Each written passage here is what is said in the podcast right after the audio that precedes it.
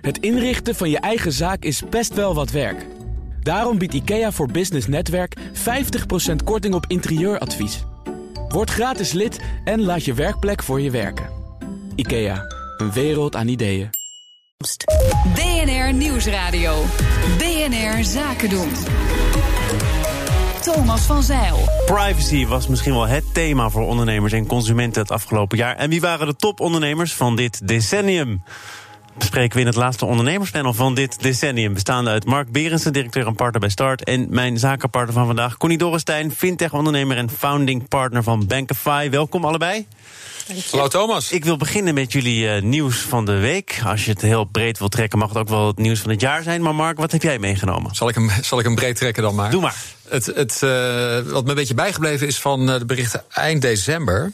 namelijk een boek, ehm, The Great Reversal van een Franse econoom, Thomas Philippon. En het gaat over How America Gave Up on Free Markets. En uh, ja, het is the land of the free. Maar dat blijkt het toch echt niet meer te zijn. Vroeger, als iemand naar Amerika ging, dan was het altijd: Oh, wil je dat goedkoop voor me meenemen? Want in Amerika was uh, doorgaans het een en ander goedkoper. Dat is dus helemaal niet meer het geval. In zowel uh, airlines, telecom, breedband internet voor thuis, entertainment. En dat komt omdat concurrentie eigenlijk uh, uh, ja, niet meer goed werkt in Amerika. Het is geen level playing field meer. En het aantal aanbieders is uh, versmalt in de sectoren die ik net noemde, maar ook breder dan dat, tot oligopolies. En je betaalt dus bijvoorbeeld voor een telecomabonnement uh, 68 dollar gemiddeld en in Frankrijk 31. En in Duitsland ook maar iets van 35. Dus het, de, de rollen zijn helemaal omgedraaid. Versus is dat een proces dat dan al een tijdje speelt? Want nu lijkt het net alsof er een bepaalde gedachte niet meer in zwang is of uit de mode is geraakt. Of zijpelt dat dan langzaam door? Dat, dat, dat zijpelt langzaam door. Of schoon 20 jaar, ja, dat is best een periode, maar het is ook maar twee, uh, decennia. En het heeft te maken met uh, de trend dat, uh, laten we zeggen, de, de, ja, de, de, de grote corporates steeds groter zijn en door lobby's steeds groter blijven en zich dat ja, goed weten te beschermen. En door politieke uh, bijdragen aan campagnes. Dus, dus ze, kopen, ze kopen hun uh, macht, zeg maar, langzamerhand. En zitten goed uh, daarin geworteld. Maar valt er iets nog terug te draaien? Ik weet nou, niet of we het erover gaan hebben. Maar die, bijvoorbeeld die techreuzen en het opsplitsen daarvan... de ongebreidelde macht toch aanpakken... dat zijn ook wel geluiden die het afgelopen ja, jaar steeds ja. meer hebt gehoord. Ja, nou, hij zegt dus zelf, de, de econoom in kwestie... op twee fronten kan je het bestrijden. Eén is ervan om de, om de big guys zeg maar, aan te pakken... door gewoon onder andere dit soort dingen. Hij zei, je moet het ook bipartisan doen. Dus het moet een, ja. een trend zijn die door de Democraten en de Republikeinen wordt, wordt gesteund. Dus, de, hè, dus, dus strenger zijn op antitrust. Want daar gaat het toch vaak over, over overnames en fusies. En aan de onderkant uh, toch het dereguleren. In feite iets wat Trump ook wel heeft, heeft ingezet. Zodat er gewoon vanuit de onderkant meer uh, concurrentie opkomt. En niet door. En dan gaat het ook al over state law en, en, en federal law. Dus, dus het zit vaak niet eens op, uh, op nationaal niveau, maar al daaronder. Ja. Dat veel kleinere bedrijven gewoon door allerlei regelgeving uh, minder makkelijk groot kunnen worden. Heb je uh, eigenlijk de artikelen gelezen over dat boek of het boek zelf ook al? Nee, ik heb het boek niet gelezen. Ja, ik vraag even door. En uh, nog wel wat interviews met, uh, met, met, de, met de econoom. Die het helder weten uit te leggen. hij komt uit Frankrijk, dus hij zit daar met een zwaar Frans accent. bijvoorbeeld op Fox uit te leggen aan zo'n panel van, van presentatoren hoe het, hoe het zit. En die, okay. gaan dan, die gaan dan vooral erg met elkaar discussiëren. Terwijl ik denk, ja, daar zit een Harvard-econoom naast jullie. Ja, maar panels in Amerika luisteren nooit naar elkaar. Nee, die luisteren nooit naar elkaar. Jullie wel? Wij wel. Ik zit zeer aandachtig ja, te okay, heel goed. Ja. Wat is jouw nieuws? Ja, dat is eigenlijk wel grappig, want het is eigenlijk een beetje het verlengde van jou. Um, het is ook niet echt per se van deze week. Maar ik werd er deze week weer op gedrukt. Vanochtend trok ik de New York Times open. En toen bleek dat uh, daar de, of de, sorry, de, de vakbondsbonzen uh, weer onder de loep liggen. Want het bleek dat die aan het eind van het jaar hun budgetten nog op moeten maken. om aanspraak te, spraak te kunnen maken op het budget voor het volgend jaar. En dat werd onder andere gedaan door het aankopen van 6500 uh, dollar dure diners, golfoutings voor 80.000 dollar. En elkaar sigarendozen geven van 270 dollar. Nou, dat is dus echt voor voor mij tekenend van de grote clash. Voor mij is dit het jaar geweest waarin heel duidelijk werd dat we de clash hebben tussen de oude en de nieuwe wereld. En die lopen ongelooflijk door elkaar heen. En die uh, geven elkaar soms de hand, maar die clashen over het algemeen. En dan keek ik van de week nog naar een prachtige foto in het FD. Ik heb het nog handgeschreven bij het ontbijt, zat ik het erboven te krabbelen. Oud tegen nieuw. Je zag dus uh, dat de ouderen uh, in Frankrijk, maar eigenlijk overal, ontzettend afhankelijk worden van jonge mensen in een gig-economie model die hun moeten gaan verzorgen.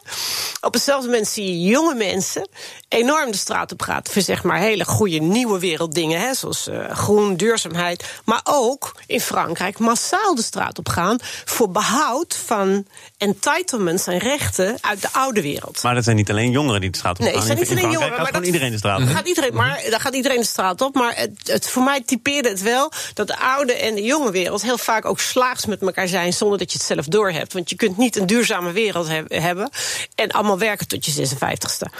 He, dat gaat gewoon allemaal niet lekker samen. Maar die strijd vind nee, ik... Mensen hebben natuurlijk wel ook uh, altijd gedacht... Uh, of 56 nou een goede leeftijdsgrens is of niet... maar ik ga op mijn 56 met pensioen. Ja. Er zijn rechten. Ja. En nu komt puntje bij paaltje... en dan blijkt in één keer dat ik nog drie jaar langer door moet. Ik snap de frustratie ja. wel. Ik snap de frustratie, maar het is net als in alle relaties. Je moet meegroeien en je moet uh, gewoon meegaan, meebewegen... met de veranderende omstandigheden. En dan heeft het echt geen zin om vast te houden...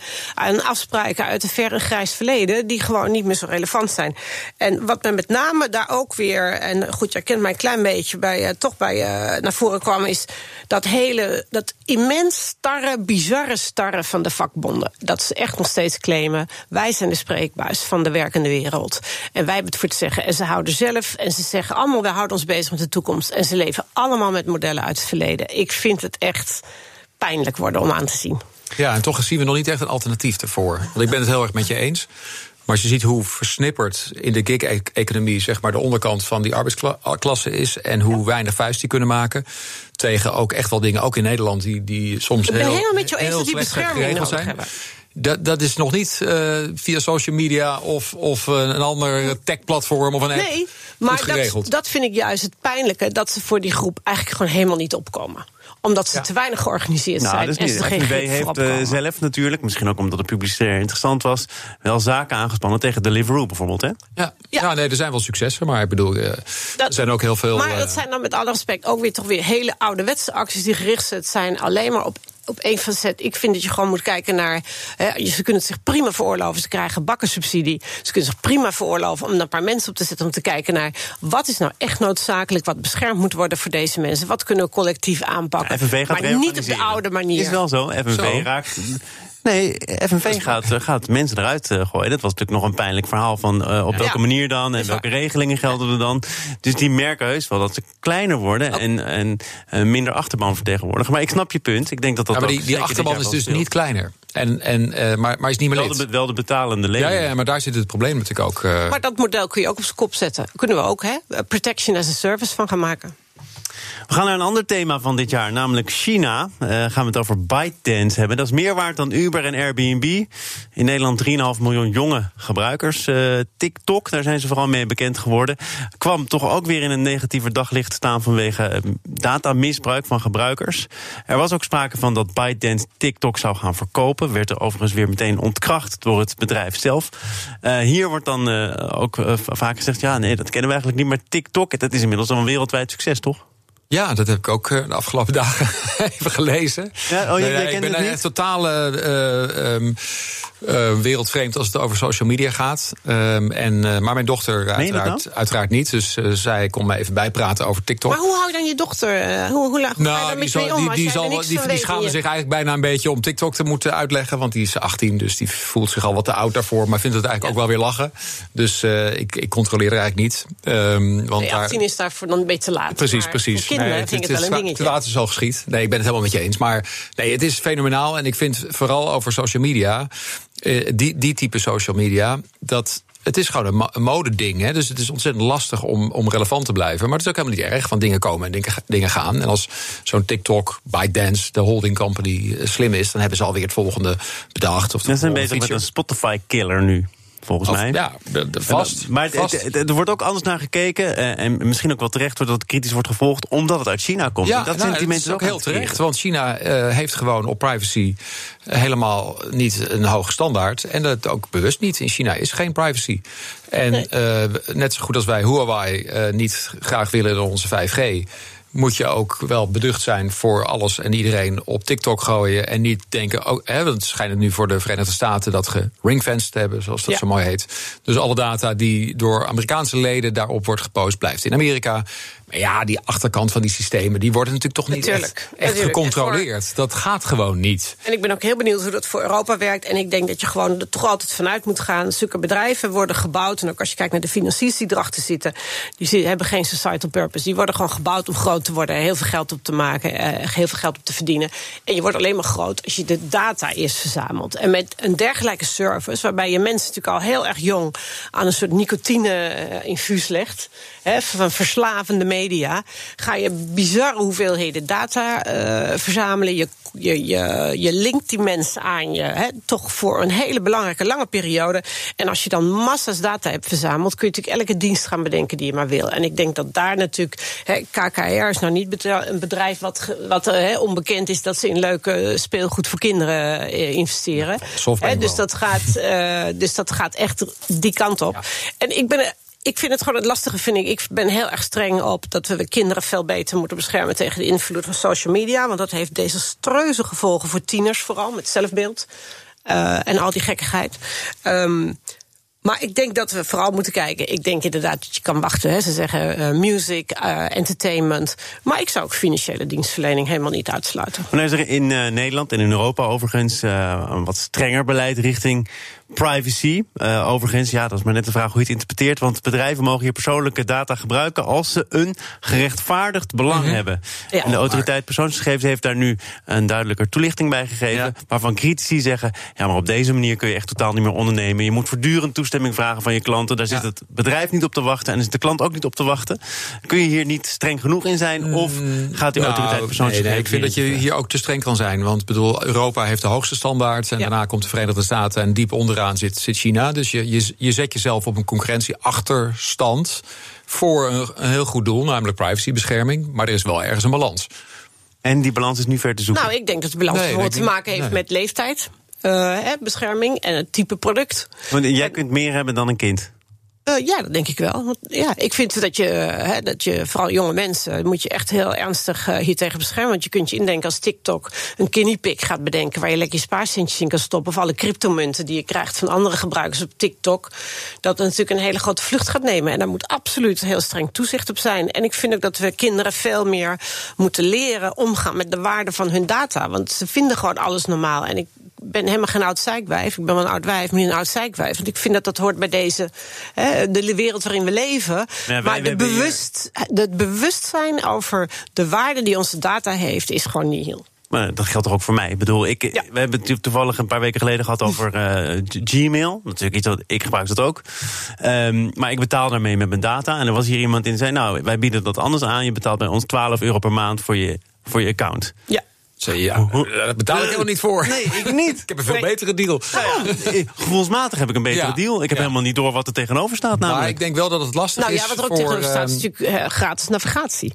Wat je de hele tijd Ja, gebruikt. maar ik denk dat het lastig is voor onze generatie om die kinderen... want hier gaat het echt om kinderen vanaf 13 Ja. of jonger. Jonger. Eh, Wij begrijpen dit helemaal Acht. niet. En die kinderen die zitten erop. En ja, dat is best wel een lastige.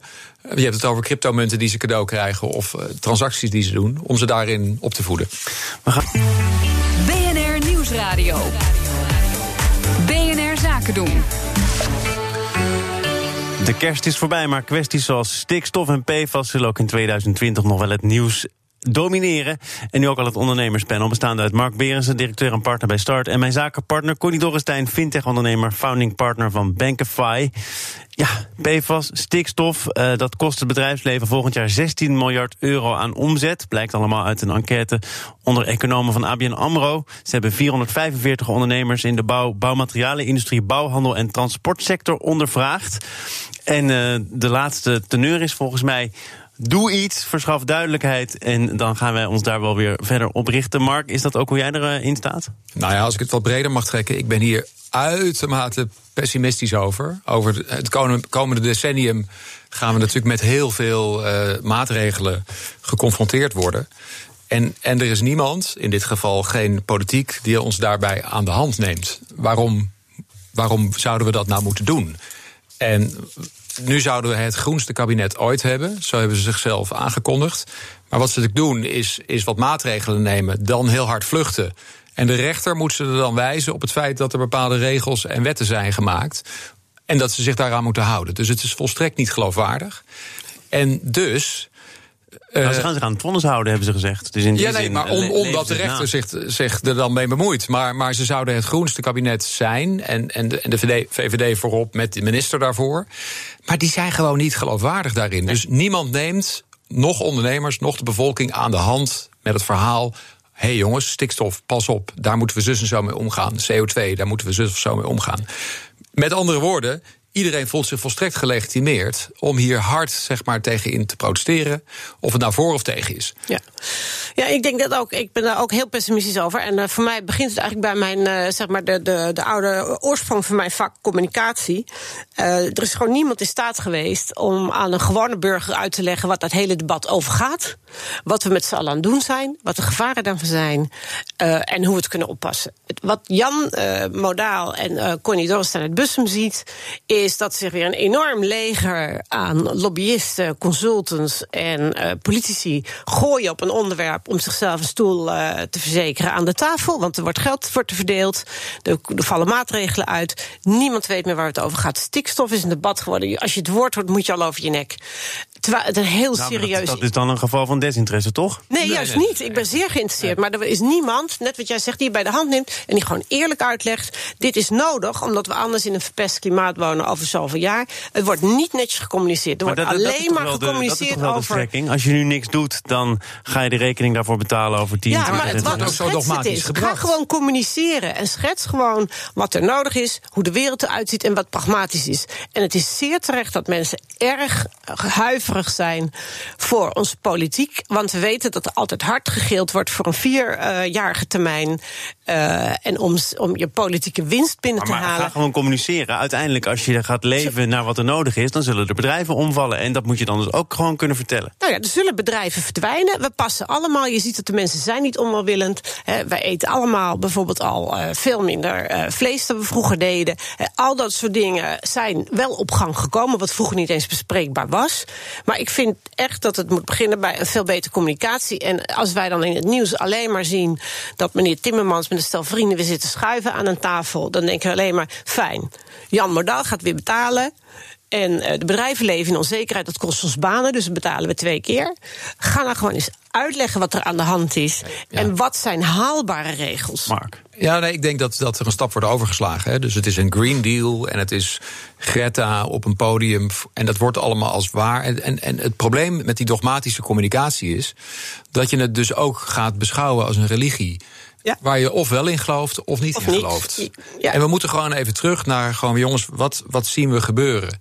En dat de aarde opwarmt is volgens mij niet een, een geloof. Dat is wel een feit. Maar hoe dat kan en waar we dan aan bij kunnen dragen. En ja. op het moment dat dan de discussie gaat in de richting van 100 kilometer rijden, waar iedereen gewoon feitelijk kan zien dat het nog niet eens een, een, een, een tiende procent bijdraagt aan de oplossing van het probleem, dan is dat zo'n symboolpolitiek. Ja. Van mij mag het hoor. Ik bedoel, het is ook nog veiliger namelijk. Dus het is niet dat ik daarop tegen ben aan zich. En je merkt het ook al dat het een non-discussie was.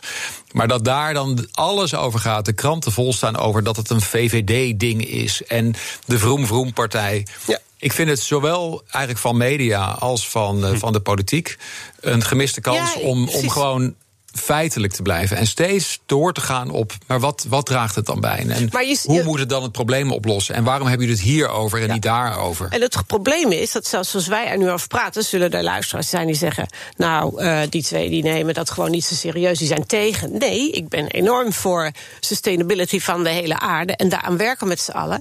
Maar het probleem is inderdaad dat we door gebrek aan... Uh, goede inhoudelijke communicatie en aan feiten... ik vind echt dat hier wetenschappers met een lange termijn visie aan zet moeten zijn... die moeten moeten dan met de ondernemers aan tafel gaan. En daarna gaat de politiek pas kijken waar moeten we hè, bijschaven. Want als de vraag er is, dat weet je, Thomas, dan gaat het gewoon gebeuren. Hebben we zojuist en het gehoord. aanbod. En maar daarom dus heel, heel pessimistisch. Want als je een, een klimaatbijeenkomst hebt waar, waar China en de Verenigde Staten niet bij zijn. Met wie zit je dan nog op tafel? Ja, en, en, en, en dat moeten ze, dat kun je ze, daar kun je ze niet met de haren bijslepen. Maar de wereldleiders onder elkaar moeten het toch voor ons fixen. Daar, in die positie zijn, hebben we ze gekozen. En vooral beginnen met de wetenschap. Is natuurlijk ook een belangrijke rol weggelegd voor ondernemers. En daar wil ik met jullie nog even over afsluiten. Want het is het laatste ondernemerspanel van dit decennium. Toch even de lijstjes. Een Amerikaans zakenmagazine Inc. zette Elon Musk bovenaan het lijstje van topondernemers van de afgelopen tien jaar. Ehm, zouden jullie iemand anders daar neerzetten? Nou, weet je, dit is ook heel erg een kwestie van smaak. Eh, ik, ik, heb, ik zou een andere eh, willen, willen noemen. Dat mag. Die, die ik heel erg eh, bijzonder vind. En die is eigenlijk van de tweede helft van het decennium. Dat is Satya Nadella van Microsoft. En ik vind het zo knap omdat hij zeg maar een, een, een groot slagschip heeft weten te wenden. Want Microsoft was ook zeg maar, Ja. een soort van Nokia achterna aan het gaan. Op een gegeven moment niet meer zo relevant te zijn. En ik vind het bijna nog knapper om dat in te zien en zo'n groot slagschip nogmaals weten, weten om, te, om te turnen. eh, dan iets van, zeg maar, van helemaal vanaf de bodem op, eh, opbouwen. Of, of schoon daar niks op, aan te af, te, af te dingen is. Nou ja, misschien toch ook wel wanneer die nou eens echt serieus winst gaat Nou, maken. nee, ik ben persoonlijk niet zo eh, idolaat van hem, maar dat, dat maakt allemaal niet uit. Ik vind het ook heel leuk dat heel, mensen ontzettend fan zijn van, van Elon Musk. Maar, maar ik wilde dus Microsoft noemen en, en een Nederlander ook. eh, in een soort aparte categorie. En er zijn er talloze, maar Jitse Groen van Takeaway. Die, die, eh, wacht nog een paar spannende eerste dagen ja, van die heeft 2020. geen, geen ontspannen kerst. Eh, Die Nee. zit in een overnamestrijd eh, verwikkeld. Maar wat ik het mooie daarvan vind, hè, bedoel, hij is letterlijk op de studentenkamer begonnen. En wat is het, een kleine twintig jaar later, ja, hij, stopt niet, weet je wel. Hij, hij wil door, internationaal. Het is niet groot genoeg. Hij wil door en, en met overnames. Hij, hij begeeft zich zeg maar, in het grote, grote spel. Ja. ja, met een concept dat toch lang niet ja, eh, eh, overleefd is. Ja. Connie, wie, Ja. staan, wie staan er bij jou op één? Nou, Internationaal en eh, binnen de eigen Internationaal, eh, en het is niet in grootte, maar het is in waar ik wat bij mee heb. Eh, voor mij wordt zingeving heel belangrijk met gezond ondernemerschap. Want dan overleef je alle fads en fashions. Hamdi Ulukaya van Chobani, de Griekse yoghurt company, vind ik toch wel een fantastisch voorbeeld. Die man die heeft echt een viable, gezond bedrijf neergezet. Hè, maar die werkt ook echt gewoon met de problemen van zijn land.